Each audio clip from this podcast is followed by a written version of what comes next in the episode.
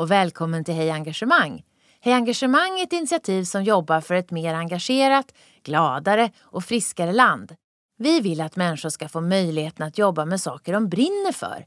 Inte för att de måste, utan för att de vill. Tillsammans kan vi skapa bättre förutsättningar för ett ökat välmående och lönsamma prestationer. Med Hej Engagemang får du träffa inspirerande personer som ger tips och insikt i hur du kan nå bättre resultat på jobbet och samtidigt må bättre. Nu kör vi! Hej alla lyssnare och välkomna tillbaka. Det är jag som är Beata Wickbom och är er engagerade programledare. Idag ska vi prata om ah, betydelsen av att skapa engagemang i ägarledet för frågor som kultur, ledarskap och kommunikation och få träffa en väldigt engagerad ledare. Varmt välkommen Therese Lundstedt. Tack snälla. Vad känner du särskilt engagemang för just idag? Jag är ju mitt emellan två jobb just nu, eh, vilket är fantastiskt för nu är jag nyfiken igen. Och det känner jag ett jätteengagemang för, att jag går runt och är lite nyfiken på saker och tar reda på saker och gärna orkar liksom sådär hänga med igen. Det tycker jag är kul. Vad är du mest nyfiken på? Ehm, just nu skriver jag en bok, så nu är jag väldigt nyfiken på hur man skriver böcker egentligen. Ehm, men jag är också väldigt nyfiken på mitt nya jobb som börjar i augusti. Jag berättade om det. Du ska mm. bli VD eh, igen. Du har varit VD i många olika eh, situationer tidigare. Vad är det nya jobbet? Vad handlar det om? Nya VD vd-jobbet är vd för Urban Green. Ett greentechbolag som helt enkelt bygger gröna taklösningar. Det vill säga coola mingelbarer där man kan gå runt med en cocktail. Eh, vad har man för grundskap på de taken? Hur ska det byggas och så vidare. Men det tar också hand om dagvattenhantering. Så det löser många av de här klimatmiljöproblemen vi har. Med Heat Island och Black Rain och sånt där som man kanske känner till. Mm. Och det här är väldigt annorlunda för förut ja. jobbade du som vd för Aktieinvest, alltså i finansbranschen. Uh -huh. Vad är det som engagerar dig när du jobbar? Jag älskar ju att lösa uppgifter. Eh, det är lite tävling. Så, att så här, nu har vi ett bolag här, nu ska hända något med det. Ofta är det förändring som ska till när jag får, får komma in och leka. Eh, och då ska ju någonting förändras och då handlar det ju jättemycket om att vad, vad har vi här egentligen? Vad är det för materia? Vad är det vi jobbar med? Vilka medarbetare har vi? Eh, vad tycker de är roligt? Vad tycker de är svårt? Vad vill de? Eh, så, så, I grunden är det tror jag min den här vinnarskallen som går igång lite. Men sen är det ju, det som driver mig egentligen på dagarna är ju snarare framstegen i medarbetarskaran. Kommer den där vinnarskallen ifrån? Den är genetisk. Det är pappas, tror jag. Uh. Hur ser du på betydelsen av medarbetarengagemang? Hur, hur, vad är det för dig? Hur jobbar du med det? Vilken betydelse har det? Men det är ju allt när man är VD. Tycker jag. Därför att när jag var lite yngre, mitt första VD-jobb, då tänkte jag nog att jag skulle kirra biffen och lösa uppgiften och vara liksom spela Allan och stå där och få det gjort.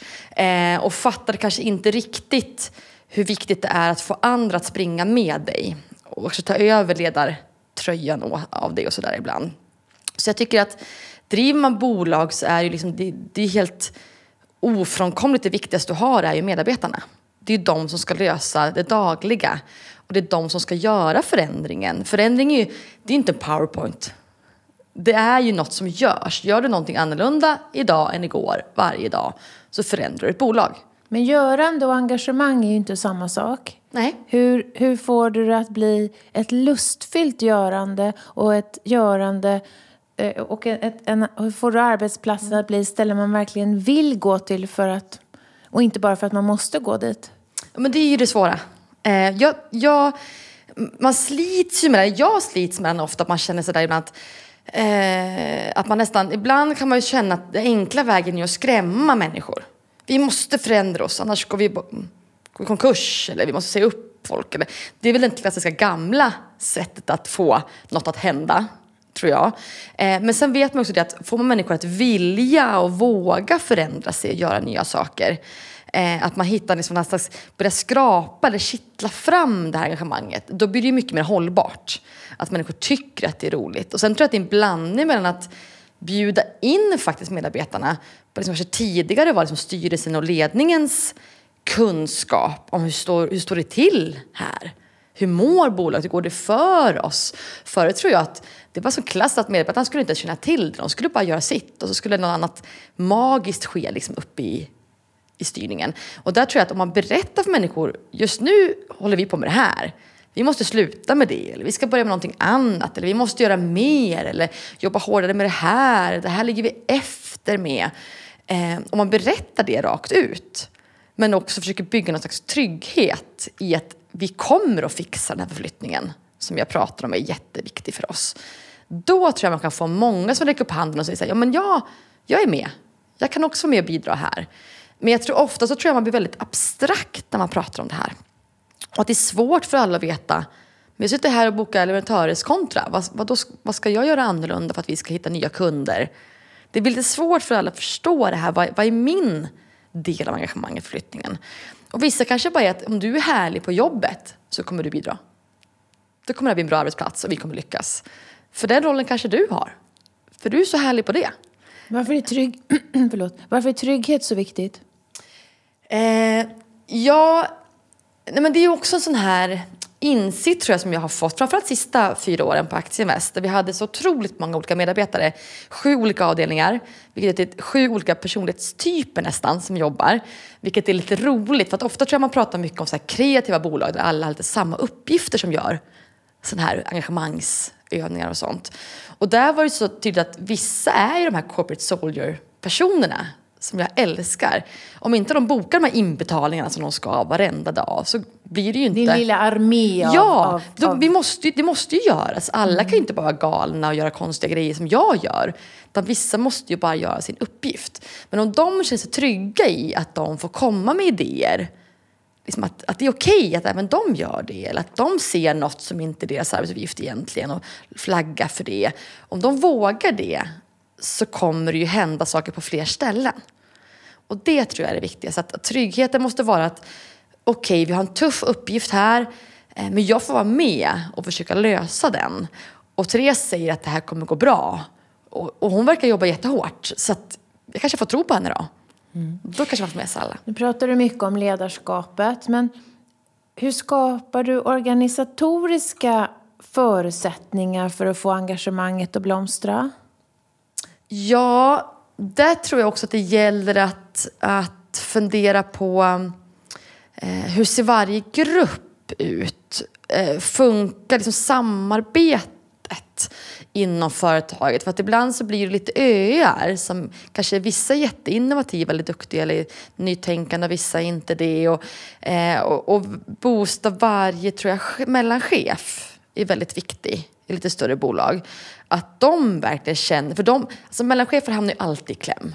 Det är lättare att vara vd och liksom få stå och peka vägen ibland. Men medan de hamnar ju i, emellan. Och jag tror att, att de också måste förstå vad deras roll är och vad de får göra nytt eller inte. Eller så där. Vad, hur mycket liksom, nytänkande de får vara. Att det inte bara kommer från mig eller utifrån.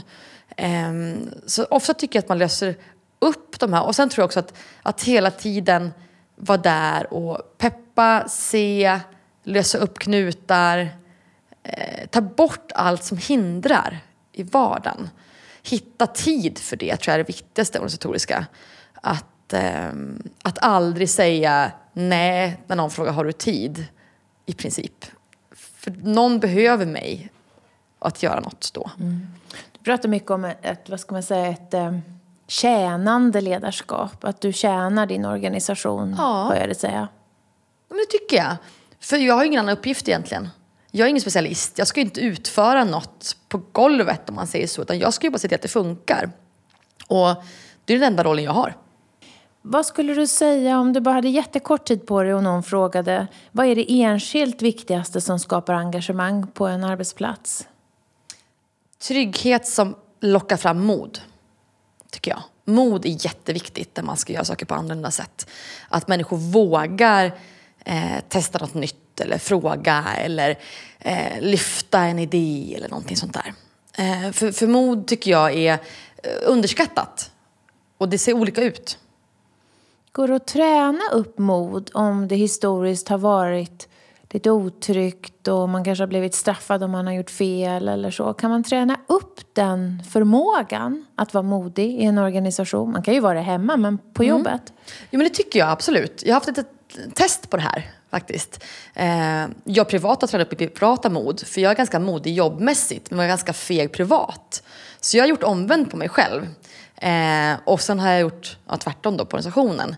Men jag tror att man får hitta de här sätten att mm, göra saker som inte människor tänker är jobbigt eller modigt eller någonting. Men pang bom så står man där och sjunger körsång i stämmer, så Penkikoff, vilket var jätteroligt.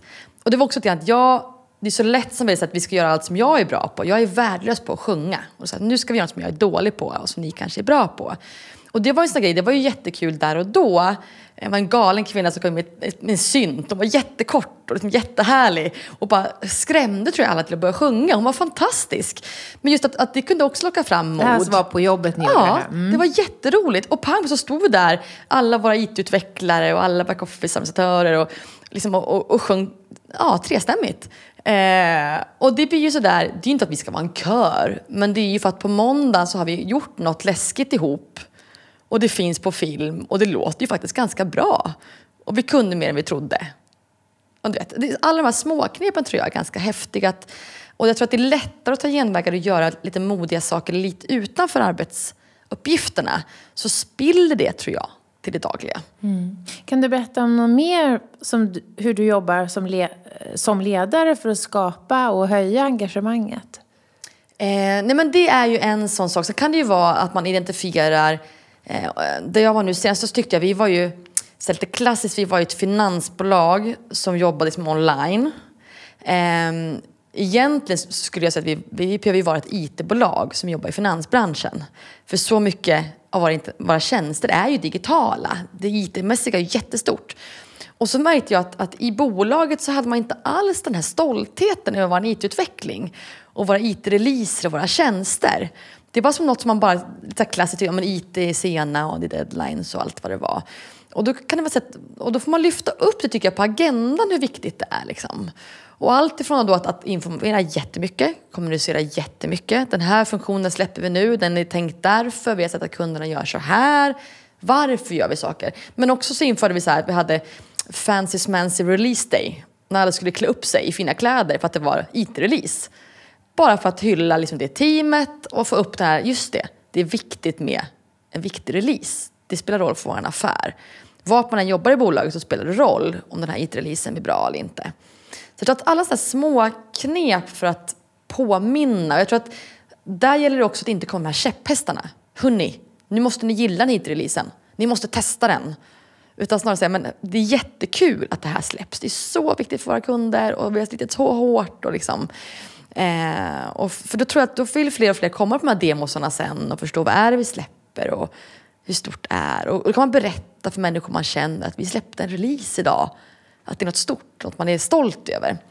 Eh, så jag tror att lyfta de här små sakerna eh, också internt. Hur, hur, kan du använda kommunikation för att skapa engagemang? Eh, jag tror att det är helt avgörande att kommunicera ihjäl folk.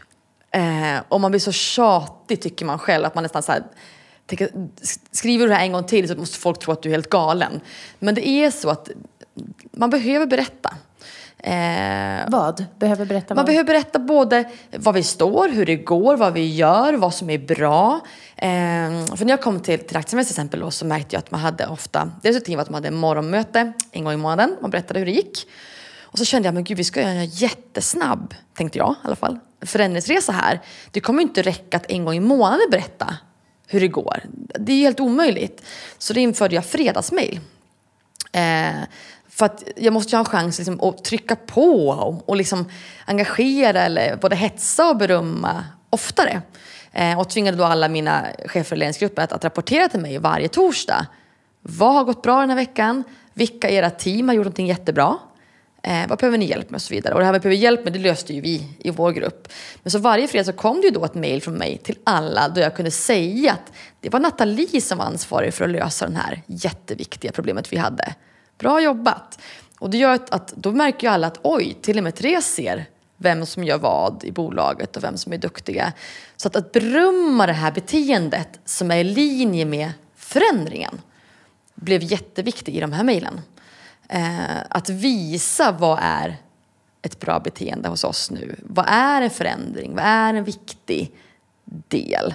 Eh, och då fick jag ju hjälp med att få den här inputen. Men att det gör ju också att, att alla ser det här och alla kan säga bra jobbat vid kaffeautomaten och vad skönt att det löser sig. Eller jaha, ni på ekonomi har mycket nu för att det är bokslut. Jag förstår att det är tufft. Man får lite den här liksom, gemenskapen och den tror jag också är väldigt viktig för engagemang. Att, att man förstår varandra. Ja, för att du, du har ju haft väldigt olika människor i ditt senaste team. Jag vet inte mm. hur det är på nya stället. Men engagemang kan ju vara ganska olika för olika människor. Mm. Hur ser du till att det blir relevant, att ditt ledarskap är relevant för var och en och att du klarar av att engagera varje individ fast de är väldigt olika i ditt team? Det där är ju knivigt. Eh, och jag kommer ihåg när jag fick mitt, mitt andra ledarskapsjobb Eh, för massa år sedan. Så hade jag för första gången ett team med människor som var äldre än mig. Jag hade, då hade jag första gången IT-utvecklare i mitt team, massa olika kompetenser. Och så tänkte jag, herregud Lundstedt, hur ska, du, hur ska du lösa det här? Hur ska du fixa det här? Och då sa faktiskt en erfaren man till mig att nej men du ska ju inte ändra dig. Du måste ju använda din ledarskaps-USP. Och det är ju att du... Din unikitet som ja, ledare. Ja, precis. Att du är ju liksom... Vad är du? Du är bra på att blåsa in energi i människor. Och det där har jag tänkt på ganska mycket genom åren. Att, att jag kan inte ändra hur jag är, utan jag måste vara mitt bästa jag. Men däremot så måste jag tolka andras engagemang på deras sätt. Och möta dem där ja, de är. För, för de kan inte springa runt och vara som jag, garva högt och eh, jobba jättehårt och ha tävlingshorn i pannan allihop. För det är ju jag. Men någon kanske sitter tyst på sin plats och är jätteengagerad. Eh, och då kan jag missa det med att alla ska vara som mig. Men då blir det ju inte mycket gjort. Så jag tror att man ska vara själv ska man nog vara sitt bästa jag. Eh, men förstå att, att det glimtar till på olika sätt runt om. Nu måste du välja. Mm -hmm. Vad gör du helst? Tackar jag till ett tråkigt jobb för att arbetsplatsen verkar engagerad? Eller tackar jag till en engagerande arbetsuppgift på ett tråkigt och oengagerat ställe? Det var jättelätt. Det, det är andra. En, eh, för det finns inga tråkiga bolag. Det finns misshandlade bolag, tycker jag. Eh, så det, vore, det gör jag hela vad tiden. Vad är det de är misshandlade på för aspekter? Jag tror att de misshandlade just kring det här med hur mycket får man vara med och göra och tycka och vilja. Eh, få bolag låter ju människor vara med och vilja göra saker. Eh, och ofta går det ju att liksom, kickstarta organisationer och människor om man tänker lite annorlunda och provar nytt. Och det tycker jag är det roliga. Och jag tycker ju om de här osexiga bolagen och branscherna. Jag tycker det är superroligt. Det är där det liksom kan bli något unikt. Liksom. Du har blivit prisad för ditt ledarskap och fått utmärkelser och jag tänker att du har kommit långt för att vara så pass ung som du är i att få testa väldigt mycket. Mm. Men nu ska du komma till ett nytt ställe, Urban Green, där du ska bli VD, eller du är VD. Och då tänker jag att vad, har du, vad, vad, vad är du nyfiken på att testa av dina egna ledarförmågor på det här stället? Men det är så otroligt lyxigt att få byta plats ibland som ledare. För då kan man ju alltid slänga bort de här dåliga grejerna man råkade samla på sig. Som jag vet om att det här är inte så härligt Therese, sluta gör så på dagarna. Men sen blir det också eh, jättespännande tycker jag, framförallt ett branschbyte som jag gör nu. Eh, att se hur mycket är generiskt ett tråkigt ord, men vad kan man liksom bara omvandla i ett nytt sammanhang och ta med sig? Och hur mycket måste man lära sig av allt för att ändå få det att fungera? För oftast så handlar det mer om att identifiera vad, vad, alla gör och vad de har problem med och vad de vill göra och lösa. Um, du behöver att, inte kunna allt om dagvatten första dagen nej. för att kunna göra skillnad menar du? Nej men det är ju så. Och jag tror att också framförallt så är det ju viktigt att visa, och det tycker jag man jag blir bättre med det för varje gång man byter jobb, eller ju äldre jag blir kanske, att, att visa att du har ditt jobb och jag har mitt. Och det räcker med att vi är bra på våra egna jobb faktiskt för att det här ska funka. Eh, nu ska jag få lägga tak har de lovat mig och testa. Jag är jättepepp på att få en egen så här bygghjälm och lägga tak. Men jag kommer nog inte göra det varje dag för att jag tror inte de vill ha mig där. Men, men jag tror att, att, eh, att just det här att identifiera vad är alla vad är alla bäst på och vad ska alla göra för att det här ska bli så bra som möjligt. Men sen också den här nyfikenheten är ju superkul att eh, börja skrapa på allt och se hur kan vi göra bättre, hur kan vi förändra. Och det finns alltid saker för att flytta. Eh, men nu blir det så att nu är det massa, eh, ganska många äldre på den här arbetsplatsen. Det ska bli jättekul. Äldre än mig, ni är inte gamla. Men och också, vi har ju 200 kvadrat 200 hektar odlingsmark i Småland där vi odlar också sedum. Eh, som jag lär mig om jordblandningar nu. Och det är ju... Sedum är ju växter som kan hålla väldigt mycket fukt och leva på torra ja. platser. Gul fetknopp och ja, Du är bra på sånt här med trädgårdsgrejer. Jag är inte alltid, det är sådana jag har i mina fönster hemma också. Det är det som lever hos mig. Eh, ja, med så här riktigt bra dagvattenhanteringsväxter. Så, att, så att jag tror att det blir också spännande att jag har jobbat med tjänster alltid. Nu är det produkter också. Det blir lite kul. Eh, jag tänker på att du har en aspekt här också som handlar om miljön. Mm. Att du har kommit in i ett bolag som också bidrar till långsiktig, alltså långsiktiga miljöutmaningar. Mm. Hur mycket är det en motivation eh, för dig att, att, att få utväxling på den rollen ni skulle kunna ha i byggbranschen mot ett mer hållbart tänkande?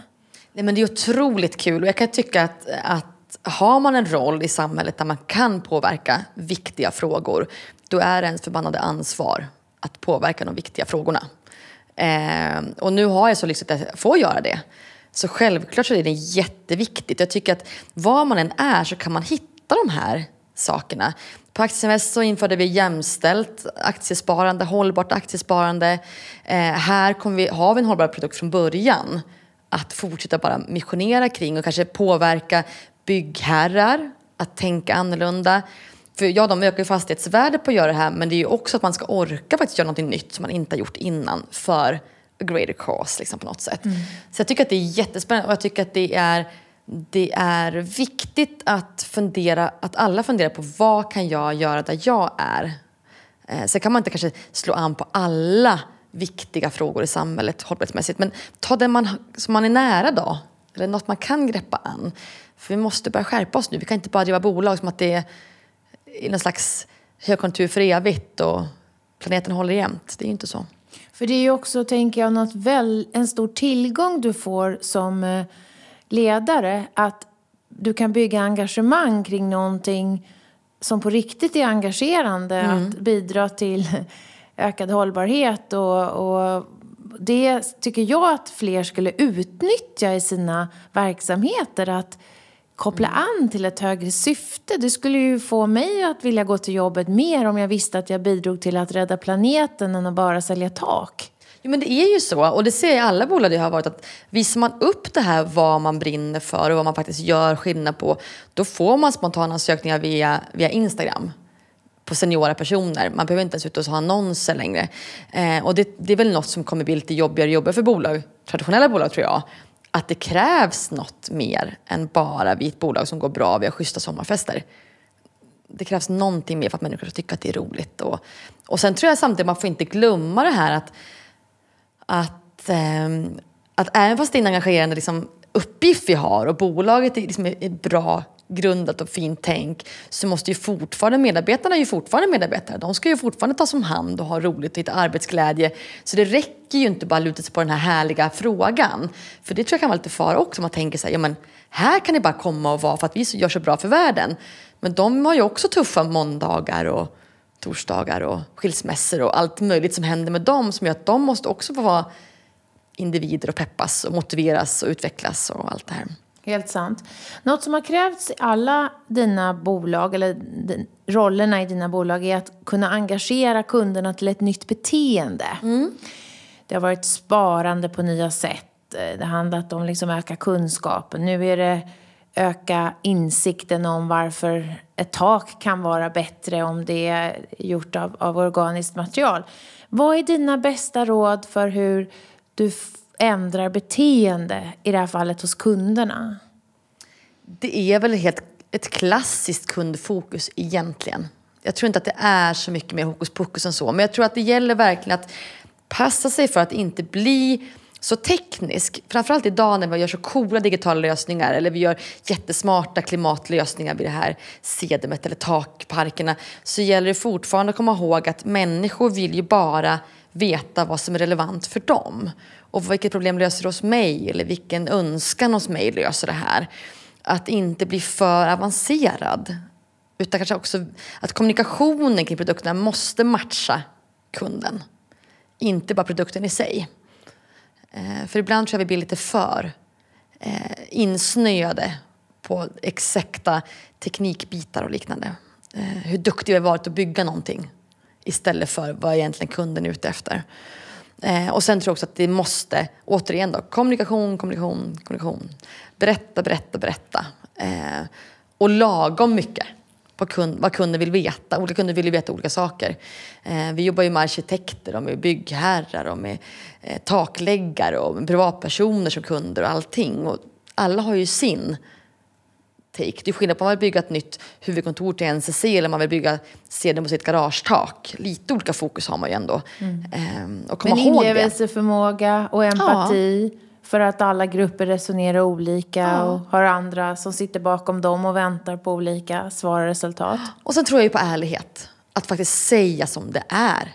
Det här passar inte dig. Om du är en sån här typ av kund ska du spara på ett annat sätt eller köpa en annan gräslösning. Eller att det lönar sig alltid i längden att, att inte roffa. Liksom göra affär genom roffa utan att göra affärer där kunden kan bli nöjd på riktigt. Den tror jag också blir viktigare och viktigare. Och framförallt idag när du, vart frågar du om råd? Du frågar kanske i sociala medier om rekommendationer. Eh, och har du då snuvat 20 pers på något, ja men då får du inga rekommendationer. Det är jätteenkelt. Eh, och du vill inte vara ett sånt bolag heller. Eh, och som vd så måste du skapa förståelse och engagemang i ägarledet, alltså för de som äger det bolag där du är satt att vara vd, för du jobbar ju på uppdrag av dem. Ehm, och du tycker ju att eh, det är stor, att det finns en tydlig koppling mellan engagemang och lönsamhet, det hör jag dig säga. Du tror på att ledarskapet handlar om att bygga en värderingsstyrd eh, kulturorganisation. Hur, och det är ju inte alla som har sett den kopplingen. Hur skapar du hur förtydligar du den här kopplingen och får dem att förstå att du behöver tid och support för att det är så här du jobbar? Ja, det är jättesvårt. Det är ju en långt ifrån alla som, som någonstans ens tänker i de banorna, såklart. Um, och de som tänker så kanske inte tänker så hela mötet igenom, om man säger så. Um, Eh, jag tror att i vissa fall så, så, får man nog som extern vd bara ha en egen övertygelse och köra på den. Och kanske inte förvänta sig beröm för de här grejerna som man vet själv är viktigast. Det kanske man gör. Utan det kanske man bara gör också.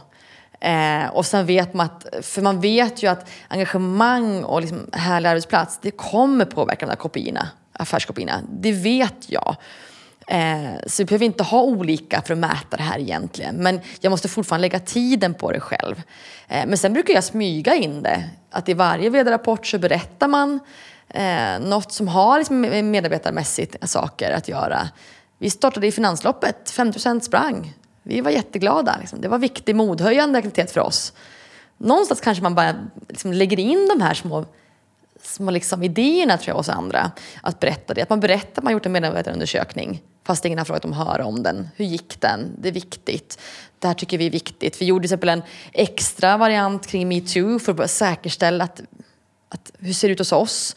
Att lyfta upp den mot styrelsen var viktigt tyckte jag för att någon hos dem kanske tänkte att det här borde jag göra ett bolag till. Där jag sitter. Eh, man får liksom utbilda lite grann uppåt eh, och berätta uppåt.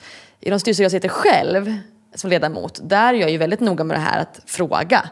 Hur ser medarbetarundersökningarna ut? Hur driver vi de här frågorna? Hur går det med det här nu? Eh, för Vilka kopior vill du se då? jag vill... Det är jättebra om man gör såna här löpande medarbetarundersökningar för då har man ju en temp hela tiden på saker och ting. Och framförallt tycker jag kan man mäta hur olika frågor har ändrat sig. Eh, mycket ser man att det är arbetsbelastning som är en typisk sån tuff fråga för många bolag idag. Hur jobbar man med det? Men också kanske hur, hur pratar cheferna kring det här? Tycker jag kanske är min viktigaste Hur temp. får du reda på det om du sitter i styrelsen? Jag ställer frågor. kommer in medarbetare så vill jag säga, trivs du här? Varför då? Vad tycker du är kul att jobba här? Varför valde du det här jobbet för? Att man får de här frågorna, mycket mjuka tycker jag, kontrollfrågor för att få känslan för, tycker man det är roligt att vara här? Känner man ett engagemang? Får man lösa sina uppgifter? Um, och det tror jag också att man har olika roller i en styrelse. Jag har tagit lite den rollen i vissa styrelser att, att dubbelkolla det. Uh, för jag vet om att man påverkar siffrorna. Du, du har haft roller där ägarna har ställt väldigt tuffa affärsmål. Mm. Och kan du berätta ännu lite mer om hur du har skapat utrymme att driva både hårda och mjuka frågor? Hur, hur du så att säga ändå har fått gehör? Hur har du motiverat att vi kommer investera mycket mer i aktiviteter med medarbetarna och jag kommer lägga mer tid på det här? Alltså, vad använder du för argument? Eh, jag tror att man, man börjar genom att bara göra och så visar man hur bra det blev. har varit min taktik. Eh, då lägger jag en helg eller en kväll på det. Liksom, och så, och så blir det bra. Eh, och jag tror att eh, man har någon förståelse för att det kanske är bra arbetsplats och sånt. Sen märker man tror jag, man tar in medarbetare i styrelserummet, verkar de glada, hur svarar de på frågor? Ja, men och så vidare. Men jag tror att gehöret tror jag handlar väldigt mycket om att, att kanske vara lite envis med. Till exempel i ett sammanhang så kom jag in i ett bolag, då hade man 27 kopior till styrelsen. Och de här såg inte alls medarbetarna, visste inte om att de fanns ens. Saker man mä, mä, ja, mätte? Mm. massa, massa, massa grejer. Och då förstår jag att det här alltså det går inte att styra på 27 saker. Förmodligen så är det säkert 14 som också går emot varandra någonstans här. Vilket blir helt omöjligt. Eh, och jag vill ju inte ha olika kopior internt och mot styrelsen. Det går ju inte heller. Hur ska det se ut? Och det var typ en sån kamp som jag tog. Så, vet ni vad? Vi måste ha exakt samma. Och då tycker så många att men vi måste ju ha mer. Styrelsen måste veta mer. Nej, varför då? Om vi bestämmer att fyra saker är viktigast, då är fyra saker viktigast. Då är, Bra exempel. Det är så. Mm. Om du var eh, tvungen att rangordna engagemang, motivation och arbetsglädje, ett, två, tre. Hur skulle du placera dem? Vad är viktigast av engagemang, motivation och arbetsglädje? För de är ju inte exakt samma sak. Fast jag tänker att de leder till varandra. Mm. Vilken kommer först? Arbetsglädje, engagemang, motivation. Ah. För att har du kul och tycker att det är roligt att göra det du gör på jobbet då kan du lättare få ett engagemang för bolaget och uppgiften. Och är du engagerad då kommer du känna dig motiverad att utföra det, tänker jag. Mm. Hur känns ett högt engagemang för dig? Det känns överallt. På något sätt. Det är lite grann när man, när man eh, jag brukar säga att de här dagarna när jag går runt och kokar kaffe och bara myser och allt bara sker runt omkring mig. Det är som att vara i en film där man inte får vara med som vd. Lite grann. Vilket är lite tog, först så jobbar man jättemycket, man är med i allt och på alla möten och man skickar mejl och man är sådär över Duracell-kanin engagerad. Och sen plötsligt behövs man inte längre. Vilket man kan då få lite så här, vill man vara med igen och knacka på i mötesrummet och sådär. Men då tycker jag att då, då är det engagemang. Samarbeten funkar, man får snarare mejl om att vi löste det här problemet på det här sättet istället för ens frågan. Hur Lite ska vi flow göra? över det hela. Det är flow överallt. Och då kokar jag kaffe och sitter och myser och spelar Spotify på mitt... Och så här härlig liksom. Um, en gallupundersökning visar att svensk, på svenska arbetsplatser så är andelen engagerade 14 procent. De som är neutrala, inte varken är engagerade eller aktivt oengagerade, är 75 procent. Och de som är aktivt oengagerade, alltså nästan saboterar, mm. 11 procent. Så om det var en tandemcykel med tio platser så skulle en cykla framåt, en försökte bromsa åtta sitter bara i mitten. Om vi kallar de här gröna, de som cyklar framåt och är engagerade, för gröna. Vad är ditt bästa råd för att behålla de gröna gröna? Ja, då tycker jag att man ska, man ska berömma dem. Berömma, berömma, berömma och lyfta upp dem för fler och säga att det här är ett fantastiskt beteende. Det här uppgiften som den här personen löste gav så, så mycket. Eh, och ibland har jag till och med tagit snack med dem som är gröna och sagt så här, vet du vad, jag förstår att det är tufft att vara du i det här teamet. Men jag ser dig. Ja, jag ser att du kämpar och du är ensam och alla bromsar och ingen gör. Men det kommer ändras. Det kommer ta lite tid, men liksom, kom igen, är du med mig? Liksom. Eh, det kommer bli bättre. Vågar du tro på det? eh, och ofta säger folk så här, ja, och så räcker de upp handen och så vet de med sig det att det är inte konstigt, det händer ofta. Men jag tror att ibland är det bra att säga det rakt ut, att inte bara som chef låtsas. Så tror folk att, fattar hon inte att jag, det är motvind det här varenda dag? Och de gula, de som är neutrala, gud de är 75 procent. Det är, det är helt klokt. galet. Hur ska vi förflytta dem till att bli gröna och känna engagemang för att förflytta sig och cykla framåt? Jag brukar säga att rörelseenergi går alltid att omvandla. Så nästan bättre för någon jättearg än helt neutral nästan. Men jag tror ju också att väldigt många neutrala faktiskt inte kanske riktigt vet vad de ska ta vägen. Jag tror inte man väljer alltid att vara neutral. Jag tror man hamnar i neutralt läge för att man inte liksom kanske fick beröm när man gjorde rätt för tre år sedan sist. Eller man vet inte vad jag, vad ska jag göra då som blir mycket bättre? Vad är min uppgift i det här? Och jag förstår inte riktigt vad det är vi ska ändra på. Eller vad Så hur förflyttar du dem till att bli gröna? Jag tror att, att, att visa upp de gröna som goda exempel kan påverka de gula. Att de vill också få beröm, de vill också vara i rampljuset. De vill också bli sedda och få prata med mig och ha förståelse. Liksom. Eh, det kan flytta några av dem. Och sen tror jag man måste coacha dem och säga, vet du vad? Eh, jag upplever att du är lite statisk här. Ser du inte något på din arbetsplats där du skulle kunna ändra något? Är det inget på din dagliga grej som, sådär, som ändras? Jag praoade jag mycket i mina bolag och då sitter man med individer och tittar på när de gör saker. Och då kommer det ofta fram, ja, det här är ett dumt sätt vi gör det här på. Säger ofta de gula också. Ja, vadå? Hur ska du göra då? Ja, men så här kanske man kan göra. Ja, men gör det då, säger jag. Får jag det?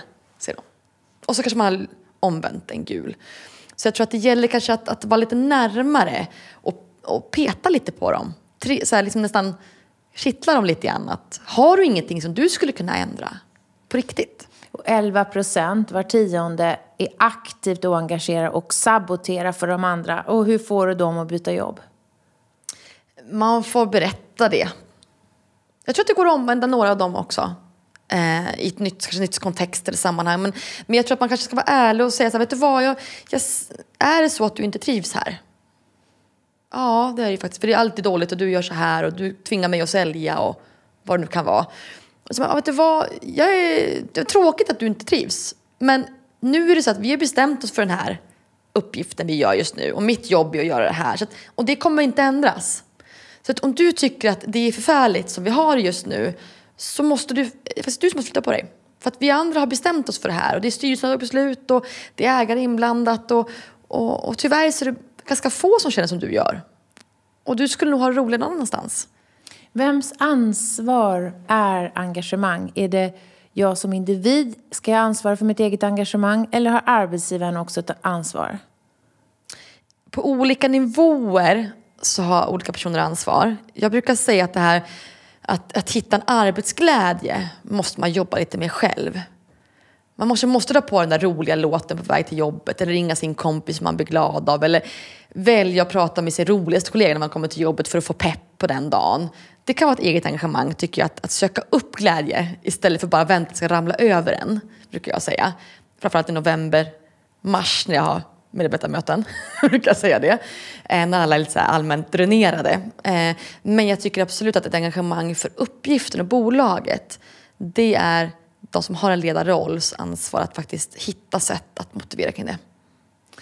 Och ehm, eh, vi, eh, vi brukar alltid fråga så här på slutet att om du var engagemangsminister för en dag, det är liksom det högsta vi kunde komma på, om, om du hade alla möjligheter att påverka den här frågan. Hur ska vi höja engagemanget på svenska arbetsplatser och vad skulle du göra då? Jag är ju en övertygad person kring att money talks. det kanske är mina år i finansbranschen. Att det har med pengar att göra? Ja, men ibland tror jag att man kan knuffa igång beteenden genom klassiska liksom, pengaströmmar. Men först så skulle jag låsa in alla de här dammiga cheferna i ett rum och läxa upp dem, tror jag.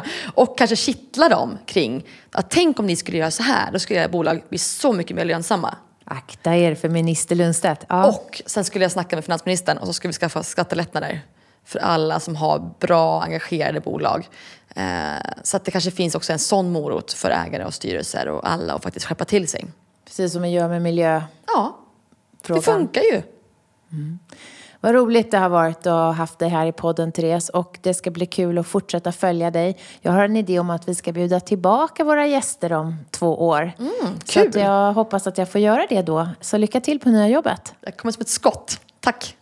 Tack alla ni som lyssnar. Det är så roligt att ni är så många. Hej då! Vi hoppas att vi har väckt tankar om hur du kan bidra till ett mer engagerat Sverige.